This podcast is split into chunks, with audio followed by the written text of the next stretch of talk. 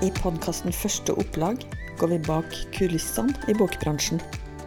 Du vil få møte forfattere, redaktører og andre bransjefolk som deler av sin erfaring med å gi ut, markedsføre og selge bøker.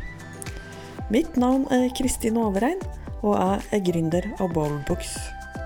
Vi hjelper forfattere med å gi ut bok på eget forlag.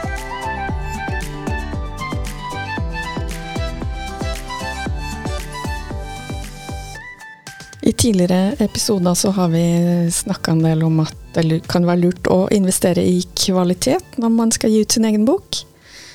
Men kvalitet kommer jo ikke gratis. Det kan fort koste flere titalls tusen å skulle gi ut sin egen bok. Men ikke fortvil, det finnes også støtteordninger, finansieringsmuligheter. Det skal vi få lære om i dag. Og da har jeg med meg en ekspert på det, nemlig Linda Cecilie Furulund. Velkommen. Takk, takk. Du er forfatter selv, mm. så du kjenner den uh, verden veldig godt. Du har også gitt ut din egen bok på eget forlag. Ja. Du kan fortelle litt om uh, businessen din, da, fordi du har jo gitt ut den boka tilknytning til firmaet ditt. Så du kan fortelle hva det, hva det er du, du driver med, og hva du brenner for. Jo, altså jeg ga jo ut, eh, med god hjelp fra dere i Boldbox, Kristin, så ga jo jeg ut eh, den første boka som heter 'Søknadsjubel'. Hvordan leve av eh, kunsten. En guide til pengene. Så det sier seg jo egentlig selv da, hva det, hva det handler om i den boka. Og det er jo det jeg har vært opptatt av i over 20 år. Jeg driver mitt eget uh, kulturbyrå, nå også forlag, da. Kunstgjødsel. Jeg er opptatt av å gjødsle kunst og kultur, primært. Og få det til liksom å gå litt bedre. Få inn litt mer penger på en eller annen måte, men spesifikt på tilskuddsbiten, da. Og når man får inn tilskudd, så kaller jeg det søknadsjubel. Og derfor også var det naturlig at boka ble hetende Søknadsjubel. Ja, nettopp.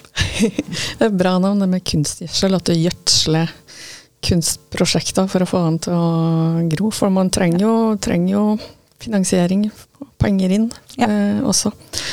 Og du er ikke bare forfatter på Bollbox, du er også leverandør på Bollbox under eh, tjenesten Økonomi. Bare så jeg har passa på å få med det også, så kan man bestille seg en veiledningstime med Linda der etterpå, hvis man får lyst til det. Ja. Um, men um, hvis jeg skal gi ut en bok og tenker at ok, det her har jeg faktisk ikke råd til, jeg trenger trenger kapital inn. Hvilke muligheter har han da? Eh, kan vi bare starte litt sånn i det starte store? Med det? Ja, det store. Nei, det er jo det spørsmålet jeg får kanskje mest av alt, da. Hvor er det jeg kan få penger til å gjøre et eller annet? I det tilfellet jeg skriver en bok, jeg får det ofte.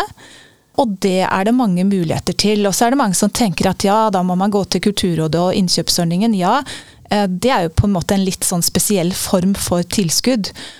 Men, eh, men, det fins jo også selvfølgelig kunstnerstipender rundt omkring, eh, og de ulike foreningene, eh, ja, Forfatterforeningen og sånt, har det. Kommer litt an på Eller NFFO. Og så stopper mange der. Men det bør du jo ikke gjøre, for der er det jo ekstremt vanskelig å få tilskudd. Altså, det er jo bare altså, noen og 20% som oppnår tilskudd der, så det må man være klar over. Og så, må man liksom tenke heller, tenker jeg da, på at det fins tilskudd til nesten alt. Det finnes over 10 000 ulike tilskuddsmuligheter. Noen tilskuddsmuligheter kommer, noen dør på underveis, og så kommer nye til, osv. Så, videre, og så, så det her er et så ekstremt stort mulighetsrom som man må finne ut av hva som passer for seg selv, i hvilken prosess man er i forhold til å skrive boka. Eh, det kan jo være penger til ikke bare å skrive boka, for mange tenker hvordan skal jeg få penger til å skrive bok? Det er kanskje det vanskeligste av alt, men, men, man kan få penger i researchfasen, man kan få penger til um, når man skal ha arrangementer, man kan ha, få penger inn for en spesifikk tematikk man skriver om, om det så er sakprosa, barnelitteratur eller, eller skjønnlitteratur. Ja. Mm. Eh, og så er det jo rundt ute og går, så er det forskjellige typer sånn eh, tilskuddskalendere. Men de tilskuddskalenderne fanger Ingen av de fanger opp alt. Mm. Uh, og derfor så er det liksom å stole blindt på det, det går ikke. Fordi at det hvert eneste bokprosjekt er unikt. Mm. Og hver forfatter bak er unik med sine spesifikke preferanser og ønsker og drømmer. Og, um, så dermed så må man liksom skape sitt eget tilskuddsunivers. da. Der man eh, setter opp mulighetsrommet sitt på lik linje som man jobber med markedsføring og sosiale medier og sånn. Jeg skjønner ikke hvorfor ikke flere jobber mye med, med, mer med det her. Det er jo virkelig her det kan ligge en god del penger inn også. Ja. Kanskje noen tilfeller mer enn kan man kan tjene på boksalg. ja. Ja. Mm. Absolutt. Hvor mye er det mulig å få i støtte, da? Og det varierer. Altså, så jeg, altså, på det verste, hvis jeg kan si det sånn, så, så er det kanskje 3000 kroner til sånne enkle tilskudd. Mm. Men, eh, men så er det jo flere millioner. Flere er millioner. Ja, ja. Men det kommer jo an på prosjektet. ikke sant? Da må du jo være en del av et større prosjekt, men det er jo fullt mulig, det. Eh, Og du kan jo være en underleverandør, og du kan jo samarbeide med folk. Det er jo alltid smart. Eh, Så, så her er det mange, mange ting eh, som er mulig. Er, men altså, sånn, hvis jeg ser på de som jeg hjelper i løpet av Jeg, jeg kartlegger jo veldig mye. Jeg kartlegger hvem som jeg eh, veileder, og eh, hva de oppnår av tilskudd, eller hvem som er med på programmene mine og sånn. Og når jeg ser det, så i snitt så ligger det, det nok sånn i underkant av 100 000. Oi, Ja. det er mye penger, da. Ja. Da vil jo veldig mange få kunne fullfinansiert prosjektet sitt, bortimot. Ja. Ja, det vil jo det. Og så- men så er det jo det der at en, eh, man må tenke litt kreativt. Da. Jeg tenker man er så kreativ som forfatter. Og så savner jeg noen ganger at den kreativiteten også tas inn når man tenker tilskudd. For man blåser seg veldig fort som sagt da, inn at jeg skal ha penger til å skrive bok. Og det er det vanskeligste du gjør. Men hvis du tar den litt ut av sammenhengen og tenker at ja, men jeg skal jo også bidra, boka kan bidra til, eller jeg er i ferd med å utvikle noe i boka mi, et eller annet nivå, eller eh, som meg som forfatter, eller jeg altså, Da har du på en måte et helt annet utviklingsrom, da, og tilskuddsmessig, som gjør at du kan få de her summene av penger, kanskje. Mye mer. ja. Betyr det at man på en måte ikke skal tenke på produktet bok, men mer seg selv Ja. og forfatterskapet sitt, og kanskje, Mm. kanskje mm, tenke på seg sjøl som en slags eh, entreprenør, da, med, som skal gjøre forskjellige ting knytta til den der eh, historien eller kompetansen man skal dele i boka. Mm. Ja, jeg tenker det. Mer og mer det. Og det er jo sånn som man på en måte blir lært opp til når man skal eh, eh, skrive boka. Det gjorde jeg også når jeg gikk på forfattersamlingene som vi hadde i Bold Books. Og da var det jo sånn at ja, vi skriver boka, men vi må jo tenke på det som kommer etter boka også. Det må vi kanskje gjøre mens vi holder på å skrive boka. Og det blir jo litt på samme måte. ikke sant? At det, du må jo tenke ok, hvor skal jeg, hvem skal jeg nå? Hvilke er målgruppene mine? Er det barn og unge? Er det innenfor helse? Er det innenfor altså, hva som helst? Og der ligger jo et mulighetsrom, og så kan du få finansiert opp noe av det. Søke tilskudd der, for tilskudd må du jo søke ganske langt fram. Så det nytter jo ikke å komme med boka, og så, og så skal du ut, og så skal du søke tilskudd. Men tilskudd ligger kanskje ja, seks måneder fram i tid, da. Og da er det jo lurt også å tenke på det, og så søke litt på hva til det i forkant, så har du liksom et grunnlag for boka di, både å komme ut og kunne selge den til andre steder. Ja, så timing av når man søker tilskudd er lurt, og det bør man gjøre lenge før boka kommer ut, er det det du Ja. sier nå? Ja. Det bør man gjøre, fordi man, det er jo sånn at de fleste tilskuddssteder de har jo eh, noen frister. Noen har løpende frister. Men uansett så tar den søknadsbehandlingen ganske lang tid, som regel. Eh, Det er veldig variabelt, men det kan jo ta fra tre uker, eh, da er man kjempeheldig, det skjer nesten ikke, til eh, et halvt år. Og så, ikke sant, så er det også sånn, nå sitter jeg akkurat med et tilskudd som jeg har eh, fått innvilget, en søknadsjubel altså, og da er det jo sånn at da, ja, det, det fikk jeg beskjed om rett før sommeren. Hurra! Ja. Pengene venter jeg fortsatt på. Ja, som du fikk selv? Ja. Ja. Mm. Mm. Til, til, en bokturné, da. Så, ja. så, så, det er jo fint, men man må liksom belage seg på at pengene kommer ikke med en gang, selv om man har fått denne søknadsjubelen. Så det, derfor så må man også tenke langt, langt, langt fram. Ja, Så det kan også ta tid, ja, fra ja. man faktisk får uh, svar at gratulerer, du får tilskudd, og til du faktisk får det utbetalt? Ja, og det kan jo hende at du ikke får det utbetalt i det hele tatt før du har gjennomført det du skal gjøre. Det er i de verste tilfellene. Eh, men mens eh, her i mitt tilfelle, for å ta det, så er jo det litt ja, Det er ikke sånn det pleier å være, at det tar så lang tid. Tre mm. måneder. Men mm. kommer du midt i sommeren, så har saksbehandlerne ferie, og så, mm. ja, så blir det ikke sett på for etterpå. Ikke sant? Så skjer sånne ting. Så du må liksom Du må være altså, Poenget er, du må være langt i forkant. Ja, ja. Men eh, er det noen av disse ordningene som krever at de skal se resultatet, se at det faktisk ble en bok av det, før du får pengene òg? Ja, altså, nå er det ikke så konkret. Se en bok. Ja, det kommer an på hva du søker støtte til. ikke sant? Men altså, hvis det er hovedideen i prosjektet ditt, i eh, og, ja, si at du har en tematikk som et fond eh, er veldig engasjert i, veldig, og det er resultatet er boka, mm. og, og, på en måte kun eh, den store boka. De, eh, som jo er et kjempestort prosjekt i seg selv, jeg mente ikke sånn, men altså det er resultatet. Eh, så er det noen steder, men heldigvis færre og færre, som krever at du gjennomfører, og så Du skal på en måte leke bank, da. Jeg er veldig motstander av det, som dere kanskje hører nå. Men det er dessverre noen fond som er sånn, eller noen tilskuddsordninger som er sånn fortsatt. Og det gjør det veldig, veldig vanskelig for sånne små entreprenører som uh, forfatterne er, da. Mm. Men, men, men uh, altså, de fleste har, er det ikke sånn, da. De fleste er på forskudd, eller delvis på forskudd. Mm. Har du noen tips til hvordan man kan uh, Eller når man skal skrive søknaden, mm. er det noe som er spesielt lurt å gjøre da? Eller hvordan man skal tenke da? Ja, skal vi se, Jeg har jo mye, jeg skrevet mye om det i boka, selvfølgelig, så sånne detaljer så kan man jo se der. Mm. Men det er mange som tenker at ok, når jeg skal skrive en søknad, det fins jo en mal, og så kan jeg bare bruke den om igjen. Mm. Uh, det stemmer ikke. Det er jo en jobb, men samtidig så blir du jo bedre og bedre på å skrive søknader. Uh, jo flere du får det. Det er liksom mengdetrening, samme som å skrive altså man skal liksom skrive og skrive eh, når man skriver bok. Ja, man skal skrive og skrive søknader. Men det er i Altså så er det jo sånn at de fleste tilskuddsordninger, uh, flere og flere, de har jo egne søknadsskjemaer som er nettbaserte. Mm. Så må man svare på de spørsmåla som, som, stilles der. Det er det enkle svaret. Men så er det jo sånn at det egentlig så er det jo i bunn og grunn i alle disse spørsmålene, bare at det er formulert på litt forskjellig måte, så er det jo fem spørsmål du skal svare på. Og det er de fem vanlige spørreordene. Og det er liksom hvem, hvem er du? Og det kan tenke at åh, det er kjempeenkelt å svare på, men det er kanskje ikke så enkelt å svare på.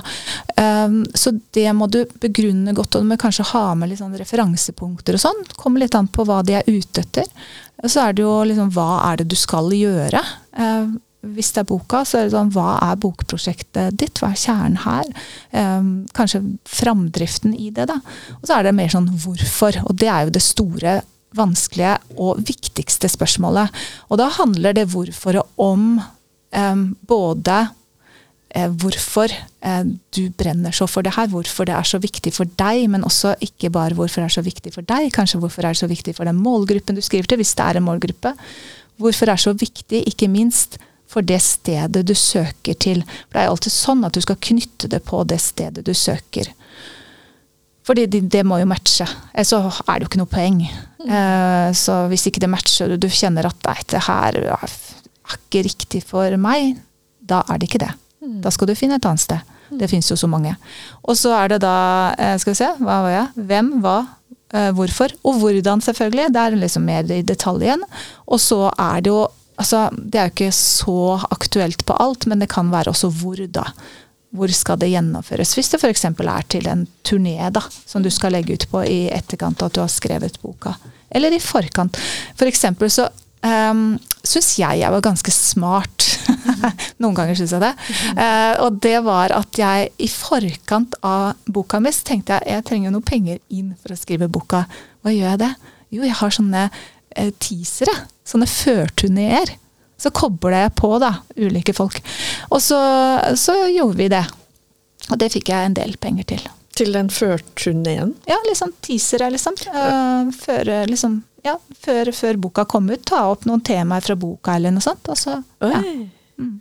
ja. Så da fikk du støtte til et slags forprosjekt ja, først, først og så fikk du andre tilskudd seinere? Ja. Mm. Det kan vi komme tilbake til. Men um, ja, det var nyttig, disse spør fem spørreordene. Når det gjelder hvem, da. Hvem er jeg? Hvem er, hvem er jeg som uh, tror jeg har noe å komme med? Mm. Type. Eh, er det viktig at man uh, ja, har en type anerkjent status fra før på det temaet man skal skrive om? I noen tilfeller ja, andre tilfeller nei. Altså, ikke sant? For det, det, er jo hva er det de er ute etter. Og det er klart at hvis du kommer ut for et type tilskudd da, som er veldig på at du skal ha eh, si en veldig sånn solid kunstnerisk erfaring, eh, langt forfatterskap bak deg, eh, så, og du er helt fersk, så er jo ikke det stedet noe for deg. Da søker du et annet sted som ikke er opptatt av det. Mm. Og det finnes mange som ikke er opptatt av det, men opptatt av helt andre ting. Mm. Så, så, det er veldig, veldig forskjellig. Mm. Du sa at uh, en feil man gjorde, det var hvis man prøvde å masseprodusere en søknad. Bare ja. skrive det samme til alle, ja. og på en måte ikke tenke på Ikke ta hensyn til hvem man søker hos, kanskje. Ja. Er det andre feil man kan gjøre når man søker? Ja. Hvis vi tar forfattere, da, som det jeg ser, er kanskje at man tenker at når man skriver så mye, og er forfatter, så er man kjempegod til å skrive søknader. Ikke nødvendigvis. Man kan være veldig god til å skrive, men det er ikke nødvendigvis en god søknad som er en god søknad. Det er på en måte ikke det der å skrive så godt nødvendigvis bestandig som er avgjørende. Mm. Ja ja, du skal fange leseren som da er saksbehandler som leser, men allikevel så er det noen ting som du husker å ta med. Eh, og jeg ser noen forfattere kanskje mm, roter seg litt sånn bort i det. Vi skal komme tilbake til det, tror jeg. Men, men f.eks. det der også, eh, når man skriver, og så har man et prosjekt, og så skal Budsjettet, det skal jo på en måte bare være altså det, det, er jo egentlig det du har skrevet, bare det er uttrykt i tall. Der er det mange som bommer, f.eks. Det er ikke spesielt for forfattere, men, men, men, jeg ser kanskje tendensen med forfattere er det der, der at de tenker at den skrivinga kan jeg. Mm. Men, men, det er det å treffe på akkurat de punktene til akkurat det stedet. Å være så konkret og tydelig og tenke litt utover seg selv. Da. For jeg tror det at det, som kunstnere flest, så blir man kanskje litt sånn øh, over altså, Og jeg skjønner det veldig godt, og jeg har vært der selv. Mm på eget prosjekt, og veldig veldig fokusert der. Og så ser man kanskje ikke alle de koblingene og mulighetene utover det. Mm. Og det er det kanskje som er det mest interessante for det stedet du søker. Ja. Kanskje de fleste har vel den type retningslinjer eller kriterier lignende på, liggende på nettsida si. Mm.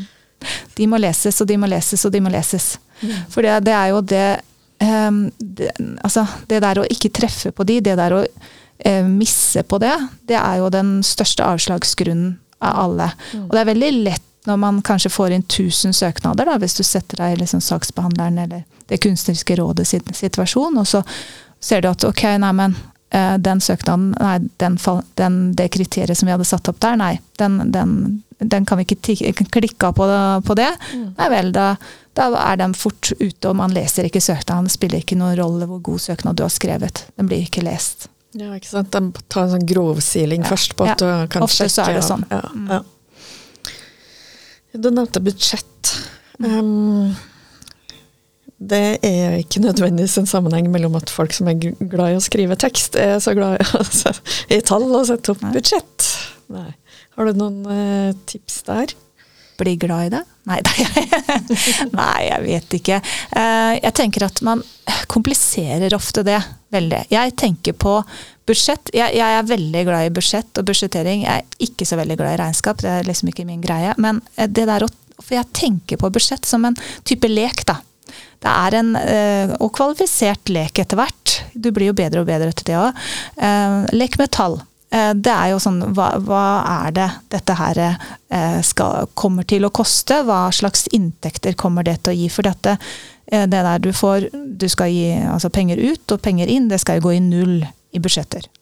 Eh, hvis ikke det er til sånne næringsretta ting, så kan man kanskje vise et overskudd over tid, men det stort sett så er de tilskuddene vi snakker om her, ikke aktuelle på det. Så det skal liksom gå i null, det skal balansere. Og da er det det der å finne alle kostnadene, og det er jo ikke vanskelig. Mm. Uh, altså, og jeg tenker at det er jo mange ganger så er det kanskje reise, der har man noen egne satser. Det er eh, egen tid, det er ganske vanskelig å finne kanskje, men, men da bruker man jo satser eh, til Forfattersentrum eller til Creo eller til noen andre som er liksom nærmest deg. Eh, og hvis de er for lave, så plusser man på det, det man har av kompetanse, kanskje. Det finnes også mye om det her på Statens sentralbyrå. Altså det fins masse sånne type tall du kan referere til. da. Eh, og så, så må du tenke at du søker et sted, så har du gjerne med en egenfinansiering i form av enten egne penger eller egen tid. Alt etter som du kan få lov til å bruke det i søknaden. Det må du også se på kriteriene. Og så setter du opp det her. Og så skal det som sagt gå, balansere, da. Eller gå i null. Ja, så på, på kostnadssida, som du sa, det kan være enklere å finne. Men mm på inntektssida, der skal du ta med egentid.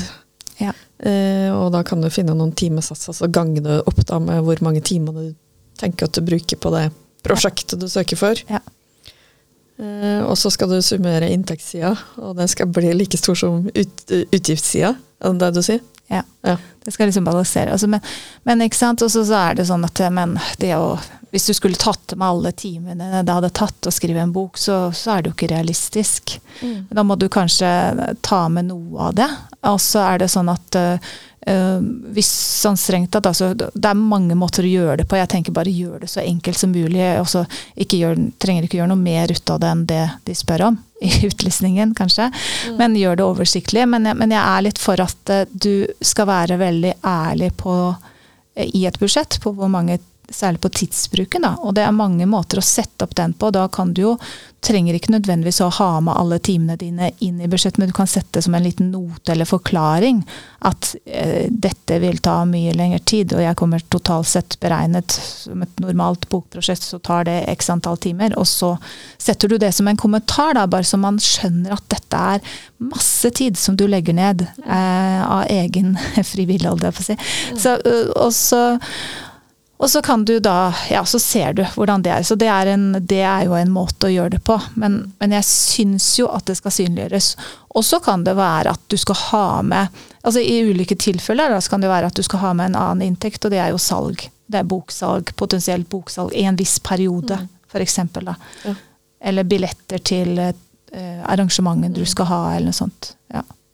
Men på den inntektssida skal du også da føre opp det tilskuddet du søker om. Ja. Ja. Mm. Hvor Er noe tommelfingerregel der på hvor stor andel av tilskudd du skal søke til i forhold til kostnadene? Eller varierer det kanskje? Det varierer veldig. For du kan jo si at noen tilskudd så er det veldig sånn at de, de går inn og dekker spesifikke ting. Og da kan du jo velge om du bare skal ta og lage et budsjett akkurat på det spesifikke, eller om du tar det som en del av det store prosjektet. Mm. Hvis du gjør det, så er det klart da kan du få inn en del egeninnsats, for alle liker egeninnsats. Mm. Men, ja, så, men, eh, men eh, Nei, så det er jo ikke det. Men ofte så kreves det at du har 50 egeninnsats eh, som ikke kommer fra det tilskuddet du søker. Da. Og om det da der kan ligge andre tilskudd. I noen tilfeller ja, andre tilfeller nei. Mm. Skjønner.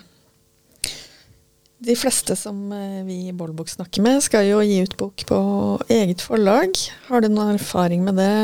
Er det noen noe forskjell på det når man søker om støtte? Om man skal gi ut boka på et tradisjonelt forlag, eller om man gir den ut selv?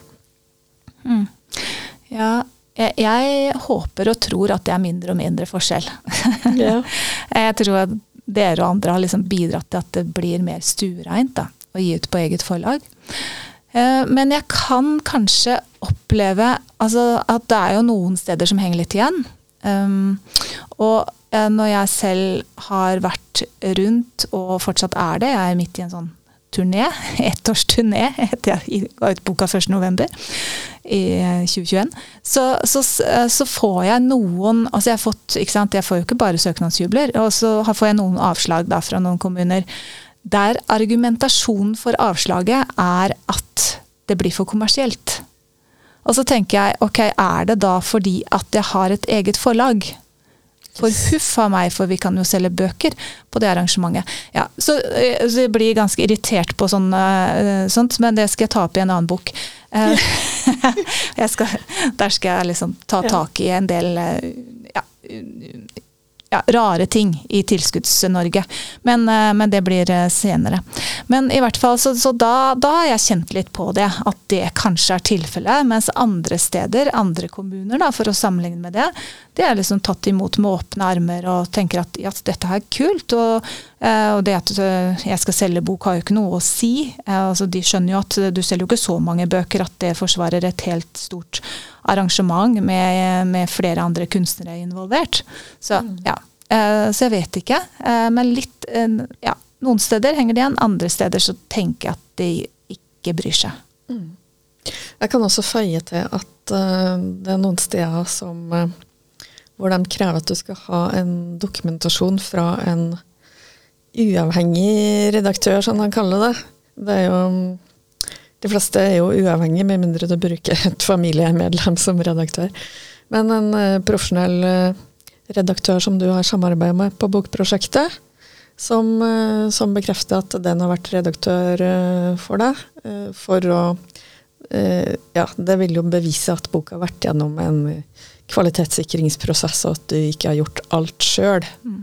Men, men, men, det du sier der, det, tenker, altså det har jeg brukt mm. i nesten ja, som handler om boka, nesten alle søknader. At jeg har brukt profesjonelle hele veien. Mm. Eh, selv om ikke det hadde vært nødvendig å legge ved en redaktøranbefaling, så har, eller sagt at jeg har hatt med meg et team. Mm. Redaktør og språkvask og korrektur og ombrekk og alt mulig. Mm. Og profesjonell illustratør. Så nevner jeg det med mm. navn. Noen ganger legger jeg det ved. Mm. noen ganger så må du jo legge det ved, eh, som du sier. Men, men jeg tenker at det er et det, det, bør man ha. Ja. Så det er noe med å underbygge kvaliteten sin. Uansett om man gir ut på eget eller annet forlag. Mm. Linda, du sa jo at du hadde fått noen midler i forkant av boka. Men eh, hvordan gikk det videre? Fikk du noe tilskudd seinere i prosessen også? Ja, jeg tenkte jo litt sånn at ok, dette er den første boka. Jeg ønsker å gi ut si det høyt nå, men gi ut 20 nye bøker. Oh, cool. Så jeg er jo i gang med to eh, nå. Eh, men, eh, men, Og da tenkte jeg at ja, ok, da er det jo det å bygge meg selv som eh, en entreprenør innenfor altså forfatter, da. Og og forlag, eget forlag. Så da må det jo være mulig å søke litt andre typer midler på akkurat det, for å bygge opp den delen av virksomheten min som jeg ikke har gjort før. Så det fikk jeg jo penger til. Eh, sånn type kurspenger og opplæringspenger, sånn at jeg kunne putte eh, en del av det eh, som jeg da betalte dere i Bollbox på. Ja, ikke sant? Så, så det er jo mulig. Eh, det er jo fylker gjerne som har, men det er også andre kursmuligheter. Og så hadde jeg jo også disse her Ja, nå holder jeg jo på med den turnérekka mi, da, som jeg sa. Som jeg tenkte at jeg skulle ut 30 ulike steder i landet og koble på. Da, da handla det om det samarbeidet igjen. at det, Da kobler jeg på kunstnere som jeg kjenner, som kjenner meg, og som da vi felles kan snakke om hvordan er søknadslivet egentlig? Hvordan kan du leve av kunsten? Tar jeg noen biter fra boka? Samtaler vi litt om det? Og så blir jo arrangementene totalt forskjellige. Fordi det er ulike kunstnere rundt omkring jeg har med meg. Og da søker jeg jo de stedene der kunstnerne bor. Og det har jo gått så der. Altså noe eh, Som sagt, altså, jeg forventa ikke å få søknadsjubel over hele linja, det kan man aldri gjøre. Så jeg tenker at det er litt sånn ok, hvis jeg får 50-50, eh, så er jeg i hvert fall fornøyd. Så, så det har jeg jo klart. Um, så, så der, um, der, var det litt. Og så også, hvis det er flere steder i en region, så kan man kanskje søke fylkeskommunal eller næringsutviklingsmiljø. Altså no, noen sånne typer midler. Men de midlene som jeg søker da, som det fins eh, stort sett i alle kommuner, det er jo disse her arrangementsmidlene. eller de heter litt forskjellig, da, men kulturmidler, arrangementsmidler, gjerne løpende frister. Eh, ikke overalt. Eh, enkle å få, mellom 3000 til 25 000, kanskje. Mm. Kunne du også gitt oss noen eksempler på kanskje en forfatter du har samarbeida med, som har fått tilskudd? Så vi får et konkret ja. eksempel. Ja, nå har jeg nevnt meg selv da, for å ja. konkretisere det. Men jeg har jo også jobbet med barn, noen barnebokforfattere som jo har også enten hatt ekstern illustratør eller illustrert selv. Så da er det også noen sånne illustrasjonsfond, altså Grafill og den type ting, da, som er mulig. Det er jo også Kulturrådet har jo en god del ordninger som også kan være mulig der, utover uh, innkjøpsordningene. Mm. Uh, og så er det jo Uh, selvfølgelig Den kulturelle skolesekken, uh, som man jo bør tenke på. For, for det er jo en hovedsøknadsfrist en gang i året. Uh, og nå vet jeg ikke når den podkasten her kommer ut, men det er jo 1. oktober. så man må liksom komme inn med turneen sin. Så det lønner seg også å tenke tidlig på, hvis man ønsker det. Og det er kanskje særlig aktuelt for de som skriver for barn og unge. Ja, en annen forfatter som jeg syns hadde litt sånn kul inngang, for vi snakket litt om det. Og jeg tror utgangspunktet hennes var hvordan kan jeg få penger til å skrive bok? Og så sa jeg ja, det er jo vanskelig, men vi kan jo se på andre muligheter. Og så viste det seg da at hun trengte å gjøre ganske mye research for å, komme, for å få med seg mye detaljer og vite hvordan folk reagerte på ulike ting. Da. Så da laget hun til en sånn arrangementsserie sammen med en frivillig organisasjon. Som da var det jo frivillig organisasjon som søkte penger, men så fikk de jo ganske mye penger til å gjennomføre det her. Det var en frivillig organisasjon som sto for mye, men hun var jo der og kartla og gjorde researcharbeidet sitt mye der, da. Oi, det var kreativt. Mm. Så da lærte den organisasjonen eh, noe også, og begge ja. fikk penger ja, ja. og ja. I løpet av den samtalen her så har i hvert fall jeg fått opp øynene for at eh, det finnes andre tilskuddsordninger enn innkjøpsordningen. Eh, som er den som blir nevnt aller eh, oftest. Og man kan tenke litt sånn kreativt rundt ikke bare boka, men forfatterskap og liksom tenke en bedrift rundt seg sjøl, da. Prosjekter man kan søke støtte til som har med boka å gjøre. Som sagt innledningsvis, hvis noen har lyst til å spare litt med Linda om akkurat sitt bokprosjekt, fordi hvert er unikt, og hver forfatter er unik, så finner jeg eh, Linda på Bålboks under enkelttjenester og økonomi. Og helt til slutt, Linda, du sa jo at du har 20 bøker på Du ser for deg at du skal gi ut 20 bøker, og du har gitt ut den første, som var søknadsjubel. Da er jeg veldig spent på eh, hva blir bok nummer to? Jeg har faktisk gitt ut én bok til. Da. Det var en arbeidsbok som, kom, liksom, som var knytta på den. Jeg, sånn, jeg, er opptatt av at eh, det å skrive søknader og jobbe med det, det skal være Det skal ikke være så tørt. Så jeg hadde behov for å lage en arbeidsbok. Så det er jo en sånn man kan sitte og jobbe med og drodle litt på, og så er det mange øvelser der. Så den har jeg gitt ut også. Eh, men, eh, men, nå neste prosjekt det er i hvert fall en kalender for 2023, eh, der man kan sette inn sine egne søknadsfrister. Og så får man da hver eneste uke et nytt søknadstips. Da. Så det skal bli en sånn inspirasjons søknadskalender som man kan bruke som en vanlig kalender, men selvfølgelig der det er fokus på søknader. Så det sitter jeg og jobber litt med nå, og ja, den må jo komme i løpet av året i år, så den er klar til 2023. da. Ja. Altså, jeg bare avbryter ja. der, for det, det, er sikkert lurt også. For det er mange søknadsfrister ja. eh, som er spredd utover hele året. og det er sikkert lurt å få noe system på å huske på.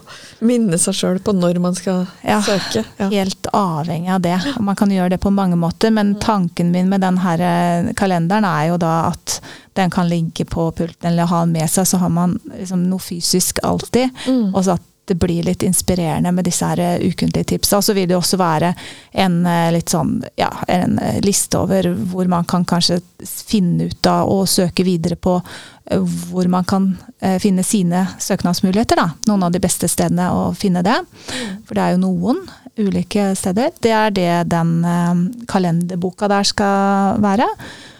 Og så håper jeg jo at den kan komme ut hvert år, kanskje. Så da var det 20 bøkene. Nei da, det var ikke det. det hadde vært enkelt. Ja. Og så, nei da. Og så tenker jeg at eh, jeg skal skrive en bok eh, der jeg intervjuer kunstnere. For jeg har jo sett nå på den turneen min nå at det er som sagt veldig forskjellig hva ulike innganger og måter å tenke på, og selvfølgelig ulike typer tilskudd. Og mange tenker jo at Eh, tenker jo for tradisjonelt på tilskudd. Um, mens det fins jo perler av eksempler på andre som tenker litt sånn uh, kreativt rundt det òg, da. Det har jeg lyst til å ta fram for å inspirere kunstnere. Og så har jeg selvfølgelig lyst til å skrive den derre kritiske boka uh, til Søknads-Norge, og hvordan de innretter kriteriene sine, og hvordan de møter de som søker. Og noen forslag til saksbehandler på hvordan de kan møte tilskuddssøkere bedre, da. Den boka tror jeg er veldig viktig at den kommer ut. Ja, den er det. og når man, eh, hvis man er så heldig da, å oppnå søknadsjubel, som du kaller det, når man har fått innvilga tilskudd, så forhåpentligvis så vil det gjøre at det er enda mange flere viktige bøker mm. som fortjener å se dagens lys, som faktisk ender opp med å gjøre det. Hvis man er litt kreativ og tenker 'hvor kan jeg hente penger'? Så det her var veldig lærerikt og nyttig. Eh, og jeg tror vi vil se mange spennende bokprosjekter som blir realisert etter det her. Ja, det håper jeg.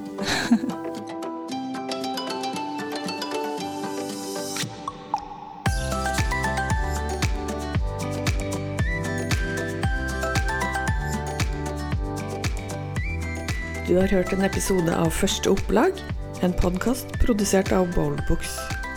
På bowlbooks.com kan forfattere få direkte tilgang til eksperter i alle deler av bokprosjektet.